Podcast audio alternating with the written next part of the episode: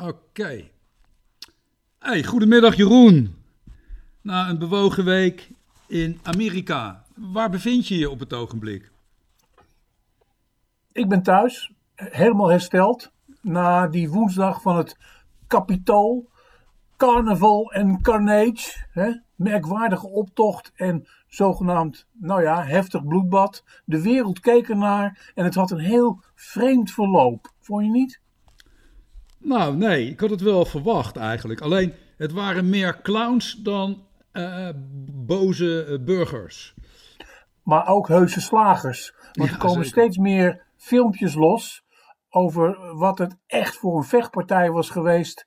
Daar op de trappen en voor die deuren van een van de grote vergaderzalen. Met agenten die helemaal in de verdrukking kwamen. eh, die gasmaskers werden afgerukt of in hun smol werden geduwd. Het was toch meer dan alleen maar een dwaze optocht.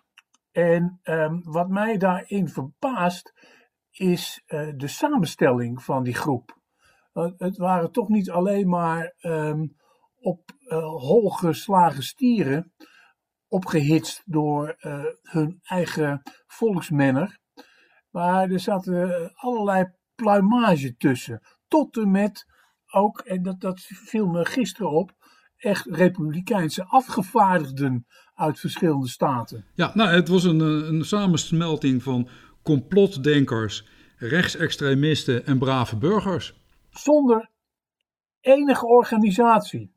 Behalve dat ze samengebald waren en wisten dat ze erin wilden. Dat gebrek aan organisatie, daar, daar mogen we dankbaar voor zijn.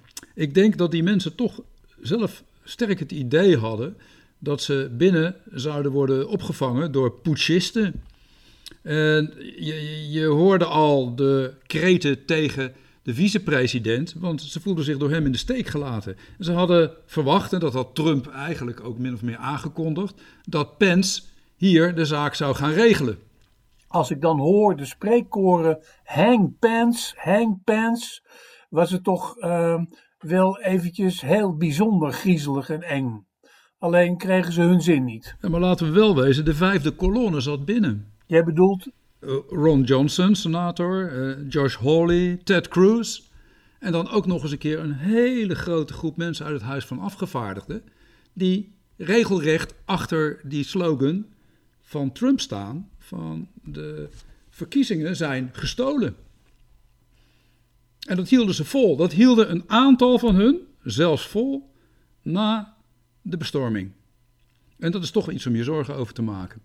ja, dat is toch een hele merkwaardige schizofrenie, waar het toch tot en met zoveel eh, rechtelijke uitspraken duidelijk was dat er voor die leugens helemaal geen grond was. Eh, dan was dat daar, in die zalen, in het kapitool, toch ook wel een, een, een bewijs van een soort hardnekkig, ongefundeerd geloof. Eh, wat wat mij betreft ook, ehm, ja, ehm, ook gelet op die bestormers, deel uitmaakt van een ja, onwrikbaar soort eh, fanatieke bezieling. Ja, klopt. Ja, waar komt dat nou vandaan? Dit is niet iets wat eh, recent is ontstaan. Hè, we hebben onder vier jaar Trump eh, de groei gezien van de complotdenkers. Nou, dat begon natuurlijk al voor de verkiezingen van Trump. Met name eh, richting eh, Hillary ontstonden er allerlei complotten. Die zijn later uitgebreid doordat er een zogenaamde informant vanuit, het, eh, vanuit de- elite informatie gaf, QAnon. En die boodschappen die zijn allemaal verspreid door podcast, regionale media, praatshows, websites. Maar ook grote bedrijven zoals Fox News, die heeft er lekker aan meegedaan. En recentere netwerken zoals eh, Newsmax of One America News. Pure eh, rechtse, ja, zijn het rechtse? Het zijn in ieder geval bedrijven, mediabedrijven die helemaal achter Trump gingen staan. En ook hebben geholpen om al die rare ideeën en onwaarheden te verspreiden. Wat het ook is, het is ouderwetse volksmennerij, demagogie met moderne middelen. Eh, waarin dus de traditionele pers, of het nou print is of eh, audio, eh, het aflegt tegen al die door jou genoemde platforms. Maar het is terug te brengen tot alle klassieke manieren van het mennen van de massa. En in dit geval zit het heel diep in de Amerikaanse ziel. Want dat vind ik ook het gekke. Hè? Het, het, een soort van verbazing in de allereerste commentaren op wat, wat ze zagen gebeuren in het Capitool, alsof het iets nieuws was. Maar het was natuurlijk de culminatie en een soort van afronding van wat Trump uh, vier jaar lang heeft uh, kunnen doen op werkelijk alle kanalen. Uh, niet alleen zijn eigen Twitter, waar hij nu van afgesmeten is, maar toch ook die officiële media. Ja, Fox News. Maar veel andere media hebben zich toch altijd wel heel kritisch opgesteld. Washington Post, New York Times, CNN, echte Trump-kritische media. Maar die verbazing, die wekt ook wel weer verbazing. Daar mag je ook wel eens wat aandacht aan wijden, want iedereen moet het geweten hebben. Al die mensen die nu zo verbaasd zijn, die hebben toch een president gehad die zijn, zijn uh, gezag toch voor een heel groot gedeelte vestigde op leugens. Een man die slogans de wereld instuurde, mensen beschuldigde. Een basis van zijn populariteit was onder andere het Burter-idee dat Obama niet het recht had om president te zijn omdat hij niet in Amerika is geboren. Die reinste flauwekul. Ja, maar dat was, dat was vier jaar geleden. Daarna is, is die maar doorgegaan. Dus, uh, was het ook niet verbazend wat er zo voor het kapitool gebeurde. zijn laatste aanzet om nog één keer mee te maken wat voor effect hij heeft. En wat dat betreft, laten we wel zijn, hoe bot ook en hoe brutaal, hij was er wel een meester in. En dat zal hij blijven. Ja, dat prachtig dat hij er een meester was, maar hij, hij nam een loopje met de waarheid. En dat, dat gaf hij ook gewoon aan. Hij sprak van alternatieve feiten. Hij sprak over de fake media en noemde ze zelfs de enemies of the people. Die republikeinen die ik net noemde, een groot gedeelte daarvan. Ja, die mensen wisten dat hij flauwekul stond te vertellen. En die hebben gewoon nooit eens even gezegd van meneer de president is flauwekul. Aan de andere kant moeten we ook wel erkennen dat Trump heel veel mensen van zich heeft vervreemd. Als je kijkt naar zijn mooie slogan You're fired. Nou, hij heeft er wat ontslagen tijdens zijn regime. Heel wat. Mensen die altijd uh, buitengewoon loyaal aan hem zijn geweest. Laatste nog, uh, die, die Bear, die minister van uh, Justitie. Maar ook, ook de, de, de vicepresident, die je toch diep en diep beledigd heeft. En volkomen van zich vervreemd. Ja, maar goed, daar bleek dus beperking aan, aan, aan die macht. Want hij is, uiteindelijk, hij is uiteindelijk natuurlijk ook ontslagen door een meerderheid van kiezers. Eh, die blijkbaar wel eh, bij hun verstand zijn. Ja, gelukkig wel, ja. Nou, het is ook mede te danken aan de instituties de rechtspraak is in ieder geval overeind gebleven. En daar mogen we dan toch tevreden over zijn. In zoverre, daar mag Amerika tevreden over zijn. Nou, niet alleen, niet alleen de rechtspraak, maar ik denk ook toch, toch uh, laten we zeggen, in die verdeelde Amerikaanse staten, die verdeelde USA, een, een, een soort van gezond verstand. Hè? Datgene wat blauw kleurt op de electorale kaart. En dat zijn uh, toch uh, niet voor niets meestal de grote stedelijke agglomeraties waar blijkbaar toch heel veel intellect gebundeld is. Waarmee ik niet wil zeggen dat datgene wat rood kleurt, en vooral het Middenwesten is, um, dom is. Dat is dus het, het, het merkwaardige.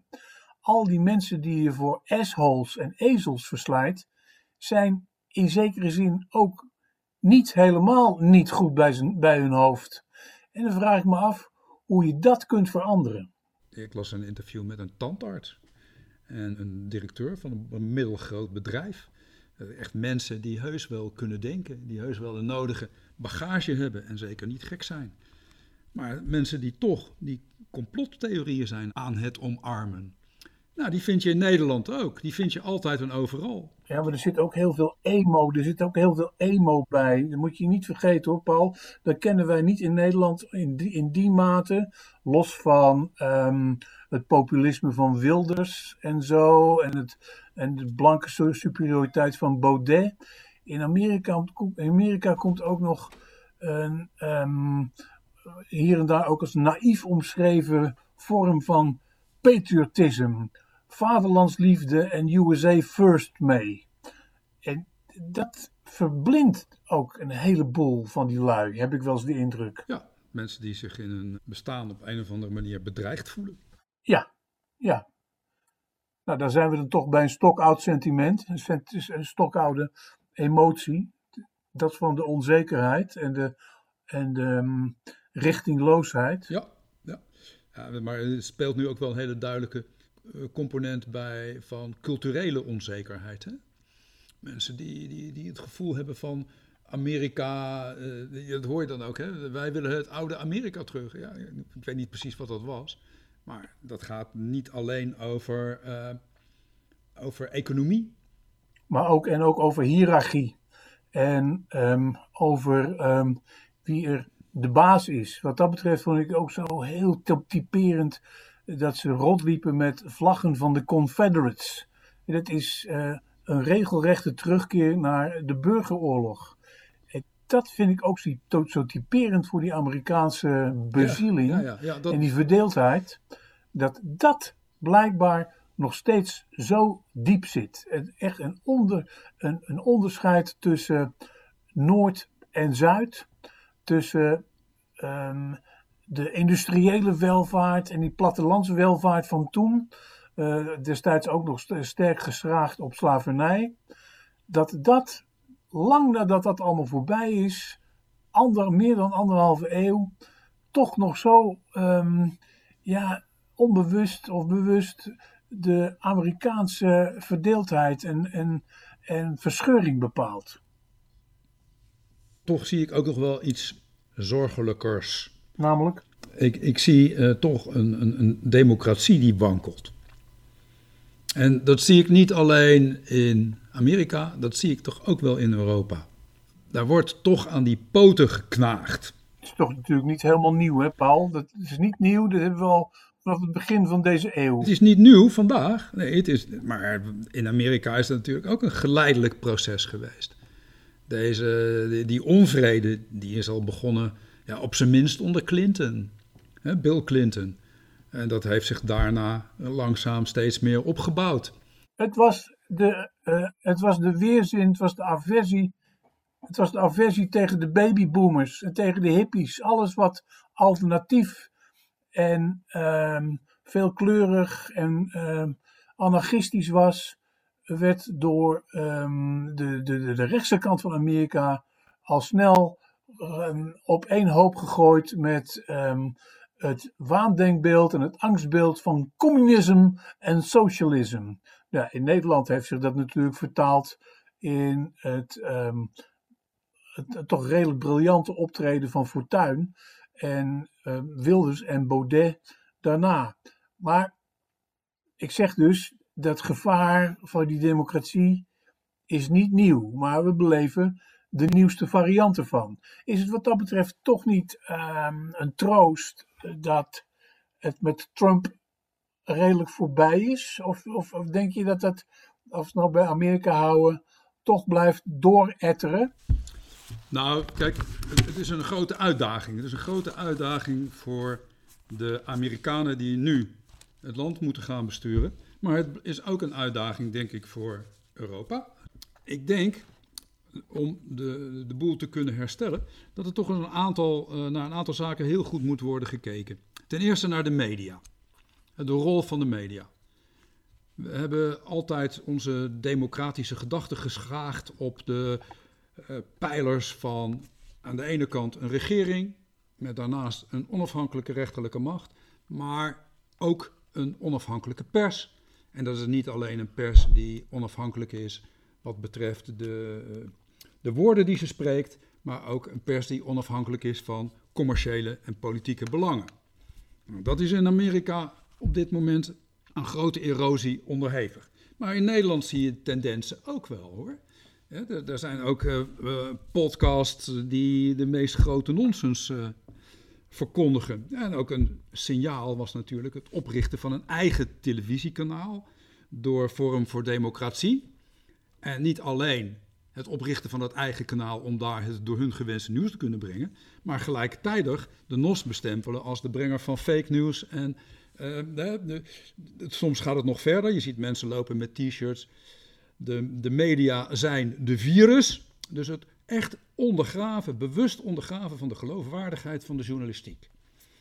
En ik denk dat daar een grote opgave ligt voor de regering in Amerika. In, de, in, de oude, in het oude Amerika van na de oorlog had je zoiets als een fairness-doctrine. En dat hield in dat controversiële onderwerpen aan de orde moesten komen bij elk netwerk. Dat was toen natuurlijk alleen nog maar R, hè, dat was alleen nog maar uh, via de ether. En dat als die onderwerpen werden besproken, meerdere kanten moesten worden belicht. Nou, later heb je die opkomst gehad van de kabel en de satelliet. Was er geen schaarste meer en is die fairness-doctrine aan erosie onderhevig geweest. Maar in 96 heeft Bill Clinton de Telecommunicatie Act aangenomen en heeft hij eigenlijk de, de complete regulering van de media uit handen gegeven aan de commercie. En dat heeft eh, ook geleid natuurlijk tot een enorme opkomst van, uh, van lokale, regionale media, sociale media, die uiteindelijk ook werden gedragen door commerciële en politieke belangen. Ja, wat het verkoopt. Onvrede, onvrede en ongemak uh, met alle agressieve uh, rafelranden. Dat is natuurlijk lekker en dat speelt in. Het is gevoelens fressen voor de moraal. Je hebt dan bijvoorbeeld in Amerika heb je zo'n uh, podcast van Dan Bongino. Uh, heel erg vergelijkbaar met wat, we, wat in Nederland Robert Jensen doet. Die, zorgt, die zorgen niet alleen voor informatie. Hè, ze zelf noemen ze dat de informatie, de echte waarheid. Daar kun je natuurlijk altijd twijfels uh, bij hebben. Maar die zorgen ook voor een, ja, een dagelijkse moment van grote opwinding.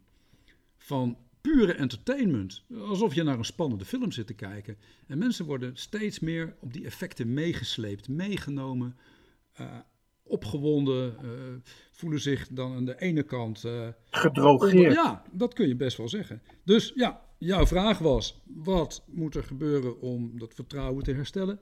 Ik denk dat er bij de verantwoordelijke ministers en verantwoordelijke Kamerleden in Amerika een grote vraag ligt van hoe gaan wij om met de betrouwbaarheid van onze media. We hadden vroeger facts are sacred, comments are free. Nu is het comments are sacred en facts are free. Je kan zeggen wat je wil en het kan natuurlijk toch niet dat media die zich uh, uh, bedienen van goed opgeleide journalisten die hun werk integer doen, enemies of the people worden genoemd.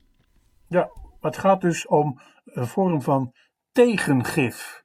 Denk dan aan die uh, vrouw die is doodgeschoten in het kapitool. was een uh, patriotistische marinier die daar een kogel in haar keel kreeg. En blijkbaar toch ook van het gedachtegoed uh, is bevangen. Dat, hè, dat, dat gelieerd aan die QAnon. Dat Amerika wordt geregeerd door een elite van kinderverkrachters. dat, dat vind ik het merkwaardige of je nou rechts of linkse eh, burgerlijke media bent. Dat moet toch uh, te ontzenuwen zijn. Dat moet toch, het over tegengif gesproken, uh, toch op een of andere manier in die hoofden, het is niet alleen het hoofd van die arme marinier, maar in die massa's die daardoor bevangen zijn, op een of andere manier uit hun hoofd te halen te zijn. Wat gewoon niet, omdat het gewoon niet waar is. Die waarheid, die realiteit waar zij zich in vast hebben genageld. Ja, Amerika heeft een lange geschiedenis van, uh, van complotdenken en complottheorieën. En mensen die eenmaal in die wereld zitten, die haal je er niet zo makkelijk uit hoor. Dat is toch een soort verslaving. Het is een verhaal, het is een narrative, het is een verhaal wat aan alle kanten klopt. En op het moment dat uh, iemand ontdekt dat er een probleem zit in het verhaal, dingen die dan toch misschien niet helemaal waar zijn, dan wordt het verhaal weer aangepast. Dat is van alle tijden geweest. Er is nu, behalve een politieke component, natuurlijk ook een commerciële component bijgekomen. Mensen die door dit soort verhalen dagelijks te vertellen, dagelijks over de mensen uit te strooien, eh, reclames verkopen, t-shirts verkopen, en van alles en nog wat verkopen. Het is grappig, je hebt in Amerika Alex Jones, die, uh, die vindt dus de corona bijvoorbeeld flauwekul. En die verkoopt dan allerlei middelen om de corona te lijf te gaan. Dus uh, allerlei vitamines en uh, andere producten om je weerstand te verhogen. En dan heb je nergens last van. Nee, dat had ook nog wel gekund.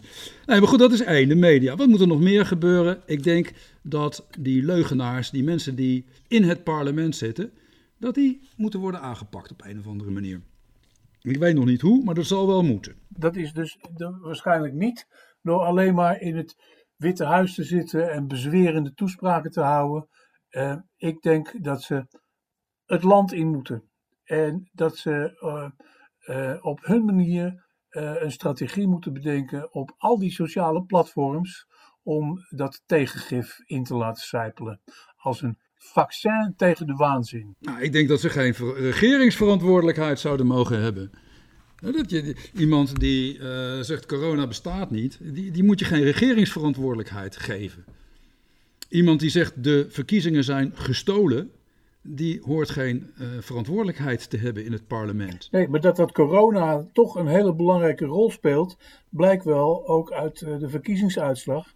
Want corona heeft in ieder geval gewerkt notabene als uh, onzichtbaar element, als een steun in de rug voor al die kiezers die van Trump af wilden. Dus leven corona op dat punt. Maar mm-hmm. er is meer nodig uh, als antidosis tegen um, die, dat waanzindenken. En, uh, het zal uh, ook niet van de ene dag op de andere, maar het gaat toch om data en om informatie. En ook weer commercieel of niet, om de permanente herhaling van uh, de boodschap: het is waanzin wat jullie allemaal denken. Het zit anders. En misschien zit het ook voor degenen die het allemaal waanzin vonden. Misschien zit het wel beter, is het beter voor hun leven als ze dit uit hun hoofd zetten. Maar het moet ze wel worden ingepeperd. Ja, weet je, het grappige is, ik weet niet of je wel eens, ge, heb je wel eens gesproken met zo'n echte complot theorie aanhanger. Ik ken er wel een paar. En het vervelende is, als je met ze in debat gaat, welk argument je ook aanvoert, er is altijd een beter argument volgens hen. Dus het zijn niet mensen die, die luisteren, geloven, maar het zijn mensen die ook op onderzoek uitgaan.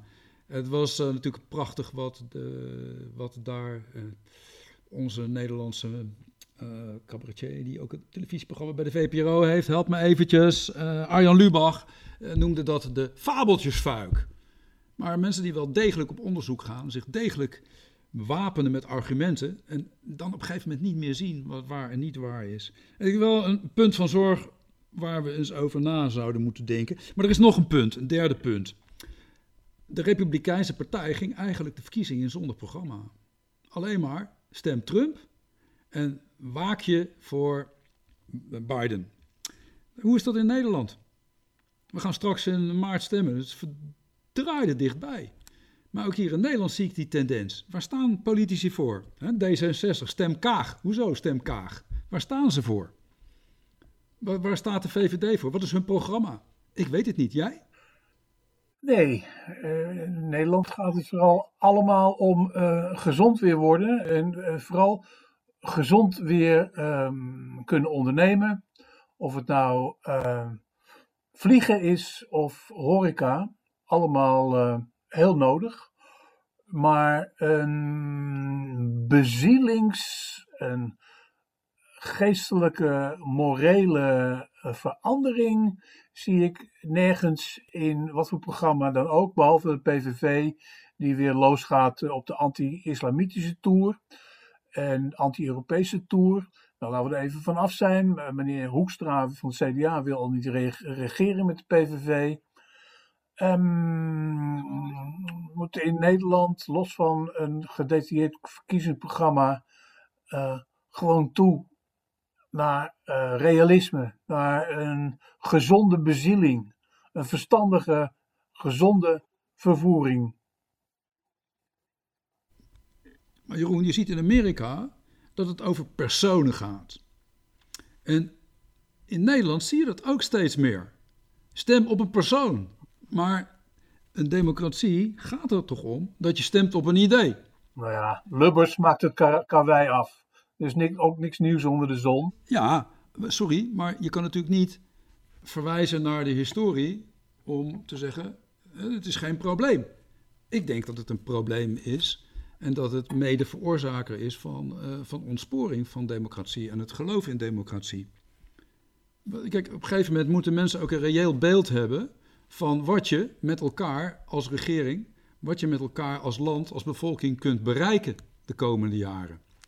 En als de ideeën zo ver uiteenlopen, als er wordt gezegd van oké, nou, we gaan de, uh, de EU uit. Oké, en wat dan? Wat levert dat op?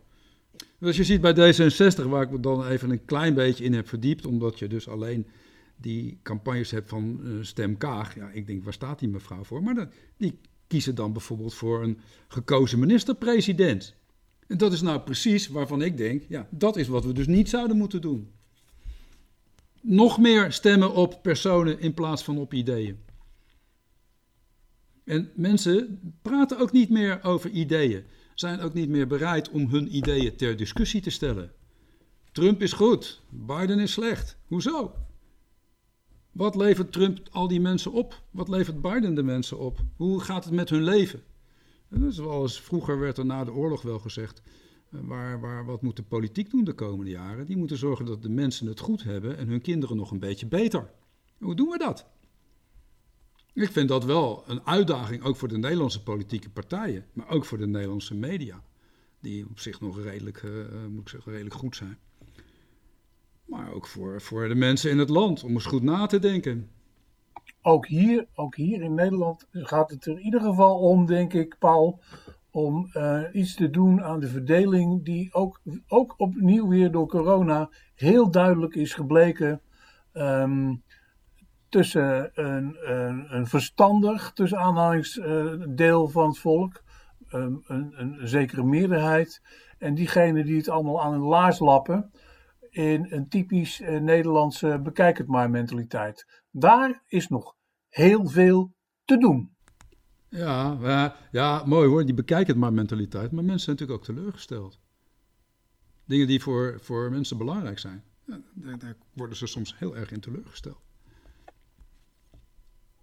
Nou ja, en los daarvan eh, heeft de ontwikkeling van het virus in wat voor mutatie dan ook, ook wel weer heel helder zonneklaar gemaakt. Um, dat alles niet zomaar maakbaar of oplosbaar is. Dus ehm, de, de, democratie uh, in nood of ehm, in wat voor richting ook, heeft heel wat te dragen. En het is niet alleen maar ehm, Kaag of wat voor bewindspersoon in Den Haag. Ik geloof er allemaal geen moer van. Dat is iets wat um, gewoon ook aan het volk zelf is. Om wat dat betreft het management uh, zo, zo, goed mogelijk in eigen hand te houden.